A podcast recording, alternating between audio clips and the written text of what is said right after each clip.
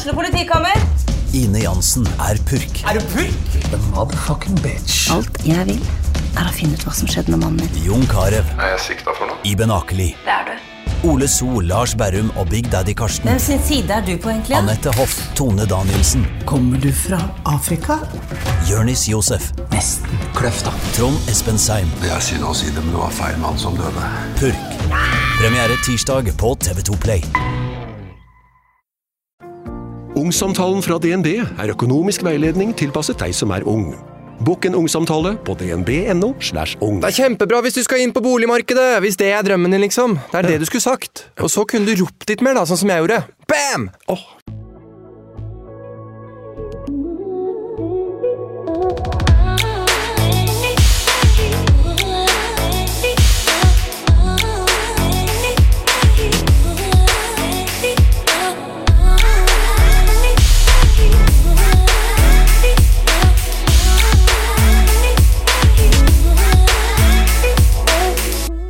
I dag så blir det en annerledes podkastepisode. I dag så er det nemlig bare meg, meg og mikrofonen. Og vi snakker mye om kropp. Og jeg er ikke fremmed for å vise fram min, og jeg er ikke så nøye på det. Det har jeg egentlig aldri vært. Og da jeg bestemte meg for å snakke om kropp denne måneden, og etter at jeg hadde snakket med både Joakim og Sonja om kroppspress, spiseforstyrrelser og kroppspositivisme, så tenkte jeg at det kanskje var på tide å dele mine tanker. For hvordan i alle dager blir man egentlig fornøyd med kroppen sin? Kan man bli det? Hvordan kan man lære å elske seg selv? Og må man egentlig elske seg selv? I dag skal du få være med inn i mine tanker om utseendepress, hva jeg tror er svar på spørsmålene jeg nettopp stilte. Du skal få bli litt bedre kjent med meg, og vi skal eh, snakke om det vi alle har, nemlig kropp.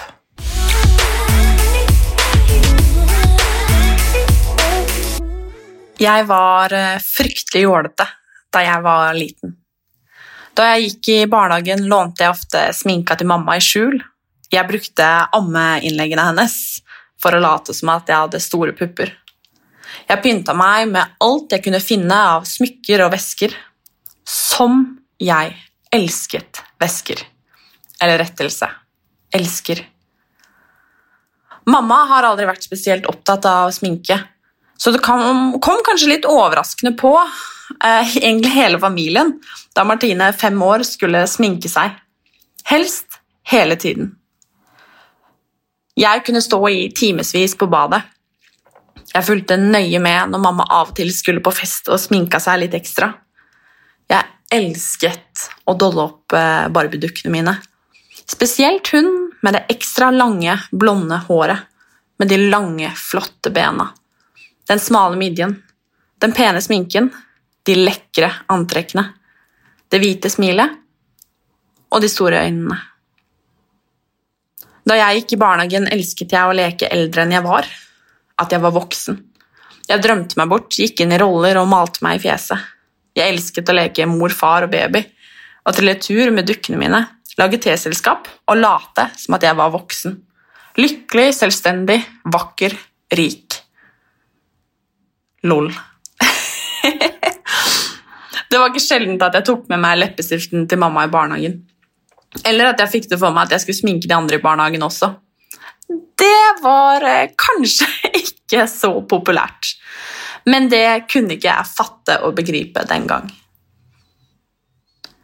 På et tidspunkt i livet mitt så slutta sminke å være tull og lek for meg. Jeg mistet en eh, god venninne i en eh, bilulykke.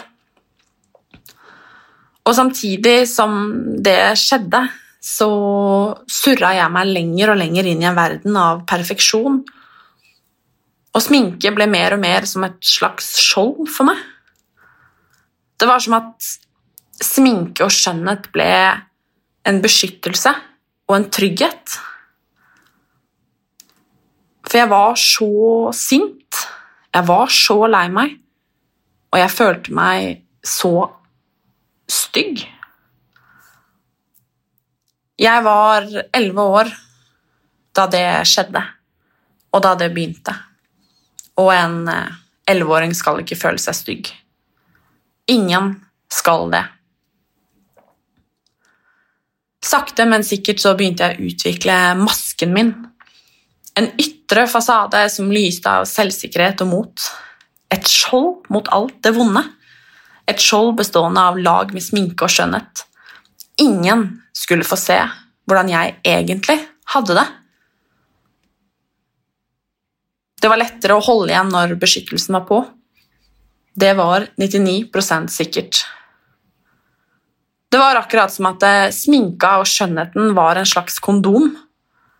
Med maska på var det lite sannsynlighet for at det skulle skje et uhell. At jeg skulle miste kontrollen. At noen skulle få vite. Få vite hvordan jeg egentlig hadde det. Så fort sminken var på, ble jeg som forvandla. Jeg gråt ikke. Jeg ble tøff, ufølsom og pen. Og jeg trivdes som det en ganske lang stund. Helt til jeg forsto at jeg ikke kunne fake meg gjennom livet. Det gikk opp for meg etter mitt eh, siste sykehusbesøk da jeg var 19 år gammel. Jeg forsto at jeg verken kunne prestere eller være flink om jeg lå utmattet i en sykehusseng. Jeg hadde nemlig svimt av på skolen. Jeg var for opptatt av å være perfekt. Jeg presterte meg i hjel og endte opp med å gå i bakken. Og det var ikke første gang. Mottoet mitt er egentlig 'fake it till you make it'. Og det er fortsatt eh, lov av og til. Jeg mener kanskje til og med at det kan være litt viktig. Men det er fryktelig slitsomt å til enhver tid skulle være perfekt for å komme seg gjennom en dag.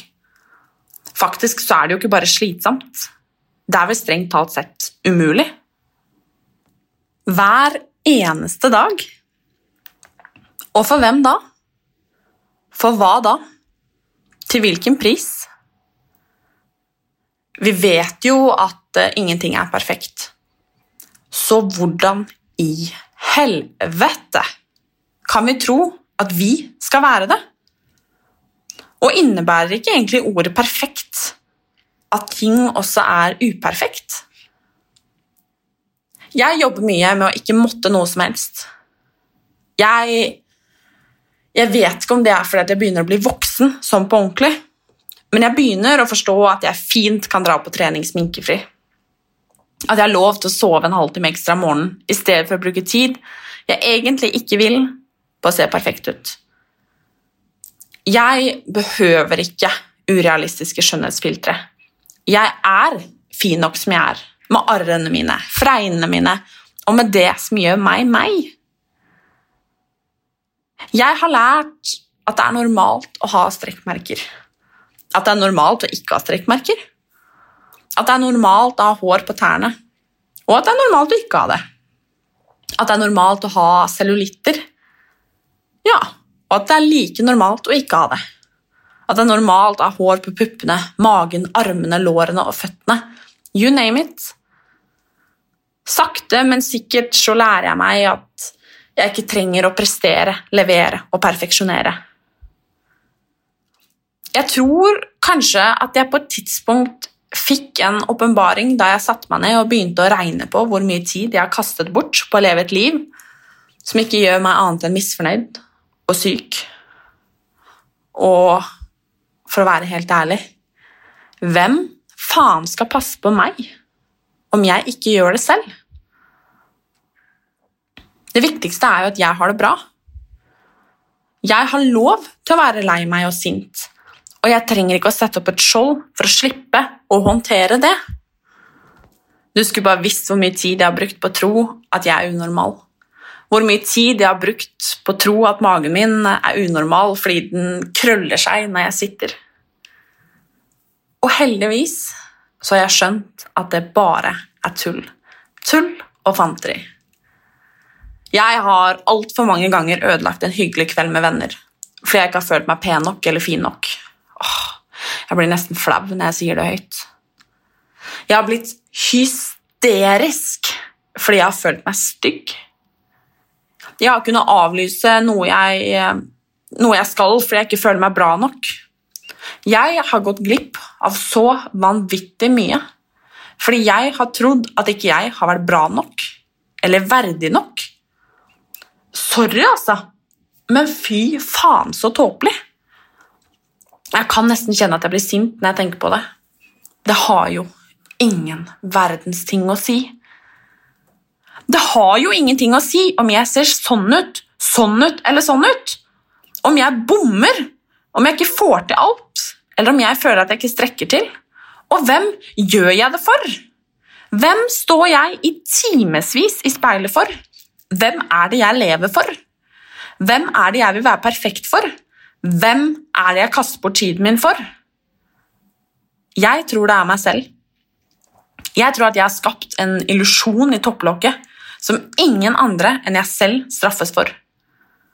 Selvfølgelig blir jeg påvirket fra høyre og venstre. Jeg tror også at det er min egen oppgave å ta følelsene, tankene og påfunnene. Å finne nærmeste søppelbøtte, ta kvelertak på dem og la de bli der.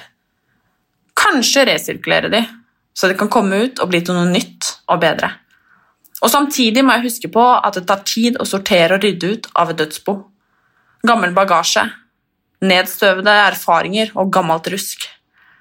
Én ting er i hvert fall sikkert, og det er at jeg verken blir en bedre venn, søster, datter, kjæreste, kollega eller menneske om jeg ser sånn ut eller sånn ut.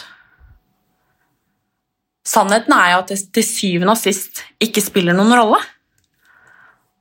Det har ingenting å si for hvor god mat jeg kan lage, hvor gode klemmer jeg gir, eller hvor god samtalepartner jeg er. Livet er sminka. De aller fleste av oss tar på oss en maske nå og da, eller kanskje vi skal kalle det et filter. Vi later som, fremstiller oss selv på en best mulig måte. Vi dekker arrene våre med foundation og vi retusjerer oss penest mulig. Vi vil jo at folk skal tro det beste med oss, at vi gjør det bra, at vi er vellykka, at vi presterer, og at vi er lykkelige. De siste årene har jeg heldigvis begynt å forstå at jeg faktisk har et valg. Vi har et valg. Jeg har et valg, og du har et valg. For min del handler ikke det valget om å droppe maskaraen, for jeg liker meg selv med maskara. Og det er helt greit, for jeg liker meg selv uten også. Men vi har et valg om å prøve å være oss sjæl. Vi kan faktisk velge å akseptere hvordan vi ser ut uten retusjering, og ikke minst hvordan vi har det, helt uten filter. Selvfølgelig er det greit å gjøre det som gjør at man føler seg best mulig, men ikke fordi man føler at man må, at man ikke er seg selv uten, at man ikke har verdi uten. Hvor mange mennesker rundt deg ser ut som at de er tatt rett ut av Instagram-feeden din? Hvor mange av dem er perfekte? Hvor mange av dem har et filter på seg? Hvor mange av dem er helt feilfrie? Nettopp. Jeg har pusset tennene mine med bananskall fordi en idiotisk frisør fortalte meg at det var lurt om jeg ville ha hvite tenner. Da var jeg 13 år gammel, og det var fryktelig mislykka og waste of time. Så mye annet. Jeg har fylt leppene mine, og i utgangspunktet ikke fordi jeg var misfornøyd med hvordan de så ut, men fordi jeg tenkte at de med hell kunne bli enda litt mer perfekte enn hva de var. For å si det sånn det ble det ikke. Jeg fikk, eh, jeg fikk feber, infeksjon, og så, uten å overdrive, helt for jævlig ut. Jeg grein i frustrasjon av å få ut dritten, og det ble en dyr og smertefull lærepenge. Men eh, det vondeste var da yngstebroren til Christian, kjæresten min, spurte om hva i alle dager jeg hadde gjort. Jeg som var pen. Da skjønte jeg at Prosjekt Perfekt var fucked up. At jeg var fucked up. For når i helvete ble vi mer opptatt av å se bra ut enn å ha det bra? Ikke én jævel likte meg bedre da jeg fylte leppene mine. Ikke jeg selv engang. Så hvorfor i alle dager har jeg brukt så mye tid på å skulle bli perfekt?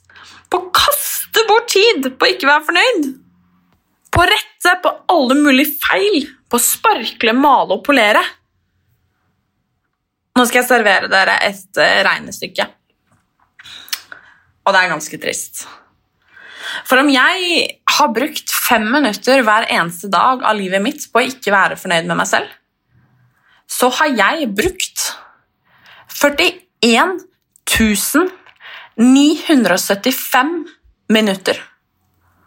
Det tilsvarer 700 timer. Det utgjør én måned av livet mitt. Det er vel lov å si at det er ganske tragisk. Jeg blir ganske lei meg over hvor mye tid jeg kasta bort på å tro at jeg ikke er bra nok som jeg er. Og på hvor mye tid jeg har kasta bort på å tro at jeg skulle bli noe jeg ikke er. Som samfunn så snakker vi ofte om at barn og unge blir påvirka av det perfekte som oversvømmer oss, av skjønnhetspresset. Av Instagram, perfekt hud, injeksjoner og operasjoner. Jeg har vært det selv. Og jeg ljuger jo om jeg sier at jeg er immun mot det nå. I en rapport fra 2018 utført av Press kommer det frem at unge ned til 12-årsalderen vil endre på utseendet sitt. Blant 16- og 17-åringer svarer 7 av 10 at de vil endre på utseendet sitt. Det er dritkjipt og skikkelig trist. Men det hadde jo vært spennende å få vite hvor mange voksne mennesker mellom ja, 35 og 50 år som også kunne tenke seg å forandre på utseendet sitt. Jeg hører jo ofte de er, av de som er mer voksne enn meg, si at man bare blir tryggere på sitt eget utseende og på seg selv med årene. Samtidig som vi hører de samme voksne klage over skavanker med egen kropp, aldringstegn og litt ekstra på magen. Forhåpentligvis så stemmer det at man blir mer selvsikker, trygg på seg selv og komfortabel jo eldre man blir. At man liksom blir en trygg voksen. At man har akseptert seg selv mer og landa helt i livet. Jeg merker jo selv allerede nå at jeg er mer trygg enn hva jeg var da jeg f.eks. gikk på videregående. Det føles bra. Men jeg vet ikke om det er at jeg er mer fornøyd med meg selv, eller om jeg bare aksepterer mer. At jeg forstår at livet er for kort til å kaste bort enda en måned av livet mitt på å være kjip mot meg selv. Hva tror du? En ting som gjør meg forvirra svett, det er når voksne mennesker sier at eh, og, og da mener jeg ordentlig voksne. Sier ting som at eh, Nei, nå går det bare én vei. Eller det blir bare verre og verre når de prater om eget utseende. Eller når de sier 'Jeg skulle ønske at jeg var like vakker som da jeg var 20 år'. Altså, herre min hatt! Går livet bare nedover herfra, liksom? Skal jeg bare bli styggere og styggere nå, eller? altså, jeg veit ikke. Men det er en ting jeg har tenkt mye på. For vi har vel alle sett på et gammelt bilde av oss selv og tenkt Oi, så fin jeg var der. Eller wow, der var jeg tynn. Skulle ønske jeg så sånn ut nå. Jeg skulle ønske at jeg var så tynn som det jeg var første gang jeg syntes at jeg var tjukk. En venninne sa en gang til meg at eh, det er et av de beste bevisene på at det du føler for kroppen din, aldri har handla om hvordan du ser ut, men at det hele tiden har vært en refleksjon av hvordan vi ser på oss selv. Det er ganske interessant. Og helt ærlig Hvordan i alle dager kan jeg forvente at jeg skal være perfekt når ingen andre er det? Det er jo ganske lættis. Så kanskje det er på tide å chille litt sånn på ordentlig? At det er på tide å ta meg selv som jeg er, og slutte å kaste bort tid på å ikke sette pris på meg selv? Bare være meg, helt uten filter. For jeg fortjener jo å ha det bra. Du også. Jeg kan ikke bruke resten av livet mitt på å kjempe mot et ideal som gir meg infeksjoner, ising i tennene og et ræva selvbilde. Jeg nekter. Og det er jo ganske rart. For den dagen vi dør, så er det jo ikke kroppen vår, vekta vår eller midjen vår vi vil, vi vil bli huska for. Det er ikke sixpacken, grevinnehenget eller strekkmerkene. Ei heller bilen vi kjører, hvor stor TV vi har, eller f.eks. den dyre veska vi eier. Vi blir huska for hvem vi var, hva vi gjorde, og hvem vi var for andre. Om vi smilte fremmede, om vi hjalp de som trengte det, om vi var rause, trofaste og ålreite, om vi strakk ut en hånd, om vi jobba hardt, om vi fikk de rundt oss til å føle seg bra. For eksempel. Og det er litt rart, men eh, verken strekkmerker eller sixpacker kan gjøre det for oss. Jeg har tenkt mye på dette med å elske seg selv. Det dukker opp både reklamer, bilder på Instagram og artikler som forteller oss selv at vi skal elske oss selv. Ti tips til å elske seg selv. Hvordan du kan lære å elske usikkerhetene dine. Sånn elsker du deg selv, osv., osv. Jeg skal være helt ærlig med dere og si at jeg får litt mark i rumpa av sånne artikler. Og det kommer fra meg, som etter mye om og men har lært meg å være ganske tilfreds som er ganske fornøyd, og som stort sett syns at jeg er ja, helt ålreit. Jeg har vel egentlig bare funnet ut at jeg er som jeg er, og at jeg enten kan kaste bort livet og være misfornøyd med det, eller så kan jeg ta meg sjæl som jeg er, og gjøre det beste ut av det. Men, men bort fra det, eller nok om det.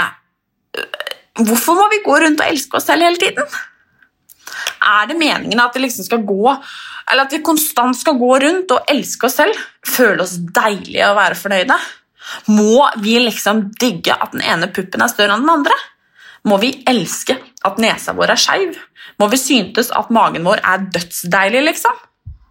Altså, jeg elsker kjæresten min, og jeg digger han virkelig. Men jeg digger han jo ikke alltid. Jeg digger han ikke når han roter, f.eks. Når han setter inn i Nei, nå holdt jeg på å si noe feil her. Når han ikke setter inn i oppvaskmaskinen. Eller når han f.eks. slumrer åtte ganger før han står opp om morgenen. Da digger jeg han ikke. Men, men, sånn er det jo bare. Da må vi snakke om det, bli enige om at eh, det holder å slumre maks to ganger. Og så fortsetter vi stort sett å ha det fint med hverandre. Og litt sånn er det jo med seg selv også, kanskje. For jeg går ikke rundt og elsker meg selv hele tiden. Det hender at jeg står opp om morgenen og at det føles som at jeg har mista ti kilo over natta. At jeg har vært hos frisøren mens jeg sov, og at jeg plutselig har fått en, en voldsom glød i ansiktet. Og så har jeg de dagene da, der jeg våkner, føler meg oppblåst, grå, grusom og elendig. Skal jeg fortsette? Nei da. Men ja, selv om jeg egentlig ser helt lik ut, og er ikke det fascinerende? For hvordan kan man se helt lik ut for andre, og likevel føle seg som en sur og skitten sokk sjæl. Da tror jeg at det sitter på innsida, ikke sant? Da tenker jeg at jeg må ta praten med meg sjæl, akkurat som at jeg ville gjort med kjæresten min, som glemte å sette inn tallerkenen sin etter frokosten. For greit, jeg tror at det holder å akseptere seg selv som man er. Jeg tror vi kommer langt med å bare finne oss i at den høyre puppen er litt større enn den venstre puppen. Eller var det motsatt? Jeg husker ikke. Samme det. Det er ikke så nøye. Og er det nemlig ett Eller Hvordan skal jeg si det her, da? Det er Altså, nøye er jo egentlig et passende ord å bruke i denne sammenhengen. For er det egentlig så nøye, da? Jeg tror ikke at vi nødvendigvis behøver å omfavne strekkmerkene våre eller poste et bilde av dobbelttaka på sosiale medier for å ha det ålreit med seg sjæl. Eller med oss selv, da. Men jeg tror at vi av og til bare ja, må hilse på strekkmerkene våre. Litt som en gammel bekjent. Hei, hei, hyggelig å se deg. Håper alt står bra til. Snakkes. Not. De finnes jo liksom der. Og vi får ikke gjort så mye med det. Sånn er det bare. Og nei, det er ingen kremer som fungerer på verken strekkmerker eller cellulitter. Og det er helt normalt. Vi kan ikke kvitte oss med den gamle, kjipe bekjente, liksom. Absolutt. Visse problemområder på kroppen vår går det selvsagt an å fikse på. Men personlig ville jeg heller satt de pengene inn på fond. Spart til drømmeferien eller brukt de på noe annet nyttig. Så når plutselig kjøleskapet bestemmer seg for å kollapse For det er sånn som plutselig bare skjer. Og da har ikke den rette og perfekte nesa en dritt å si, skal jeg si det. Jeg har gått eh, ganske mange måneder av livet mitt på krykker som følge av uhell på fotballbanen. Og hver gang jeg har måttet bruke krykker, har jeg blitt like sint, like frustrert og like trist. Faens krykker. Jeg har Altså, jeg veit ikke, men jeg tror at jeg til sammen har brukt ett år av livet mitt på krykker. Og det har lært meg å sette pris på det å bare kunne tusle ut og nyte sola som skinner. Eller å bare kunne henge meg på venninnene mine som skal på shopping. Det har lært meg at jeg er så forbanna heldig som har en kropp som fungerer, og som lar meg gjøre det jeg vil. For selv om jeg har hata å humpe rundt, har vondt å krangle med kroppen min, så har det i hvert fall lært meg å sette pris på mulighetene jeg faktisk har. Å kunne sette på meg joggeskoa, stikke ut og løpe. Å kunne danse til langt på natt eller ha frihet til å gjøre det jeg har lyst til. For det viktigste er vel at kroppene våre duger til det vi har lyst til å bruke det til. At maskineriet fungerer. Blir ikke noen kilo for mye, uren hud eller tynt år litt banalt å tenke på dersom vi skulle bli alvorlig syke eller skade oss? Hvor viktig er det egentlig? Det eneste jeg tror fungerer, er aksept. Å fokusere på at kroppen din faktisk bærer deg fra A til B. Den er et magisk maskineri, faktisk. Altså Heia kroppen, liksom! altså, tenk at kropper i alle fasonger kan orke å danse en hel natt. Tenk at kroppene våre er sterke nok til å bære fram et barn. Og ikke minst også føde dette barnet. Altså Heia kroppene våre som er utholdende nok til å følge oss, ta vare på oss og la oss nå de målene vi har. Om det er å bli rå i benkpress eller i aksjer, samme det. Jeg tviler på at noen kommer til å stå i begravelsen vår og holde en tale om hvor symmetriske vi var i ansiktet, hvor mye spredt vi hadde i rumpa, eller eh, hvor dyr veska vår var. Utrolig nok. Tilbake til det at vi må elske oss selv og være vår egen bestevenn. Jeg må innrømme at jeg har vært den mest baksnakkende bestevennen til meg selv. Jeg har snakka så mye drit om meg selv. Jeg har vært så utrolig mye negativ, og jeg har altså, Negativ hodebabling, liksom. Og fortsatt så sier jeg mye slemt. Og jeg er av og til så negativ at jeg nærmest blir flau når jeg sier det høyt. Jeg har nemlig vært, og er tidvis, tidvis skikkelig kjip mot meg selv. Det kan jo hende at du kjenner deg igjen. Jeg er redd det er fare for det. Den indre sure stemmen som sier at uh, du aldri kan spise noe du syns er godt. Den hvesende stemmen som forteller deg at du må bli penere, eller at du er så stygg at ingen kan like deg. Det er så kjipt. Og det er nesten flaut å innrømme at jeg tenker de tankene. De dystre jævla drittankene. For de er dritt, og de gjør ingen nytte for seg. Om jeg ikke presterer godt nok på jobben, f.eks., setter bablingen i gang innvendig. Det fyker rundt i topplokket om hvor håpløs og elendig jeg er. Hvis jeg har spist mer enn jeg egentlig orka, får jeg høre det av meg sjæl hvor stygg og ekkel jeg er. Kanskje til og med at jeg ikke fortjener å spise i morgen. Heldigvis så blir det sjeldnere og sjeldnere. Det er fordi jeg har tatt imot den der klisjeen om å være min beste venn.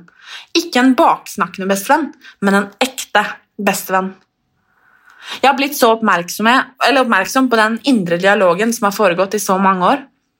Det er som at jeg klarer å kjenne det igjen når det skjer, og snu det. For hadde jeg kalt bestevennen min håpløs og elendig om ikke hun hadde prestert godt nok på jobben? Hadde jeg kalt bestevenninna mi stygg og ekkel om hun hadde spist mer enn hun egentlig orka? Nei, så klart ikke! Så hvorfor i helvete sier jeg det til meg selv da? Antageligvis så hadde jeg klappa henne på skulderen, sagt at hun gjorde sitt beste, og at hun aldri må gi seg.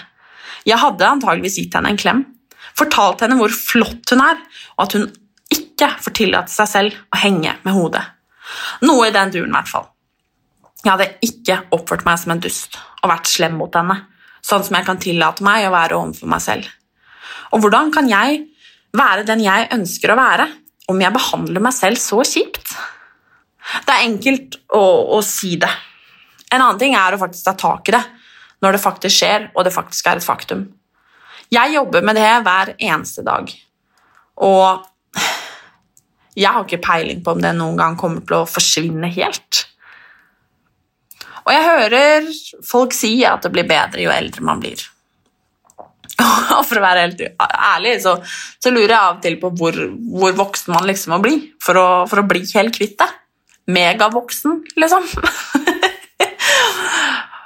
Poenget mitt er egentlig bare at digg deg selv. Hei på kroppen din. Og forsøk å elske deg sjæl på, en sånn herlig klisjéaktig måte. I hvert fall aksepter.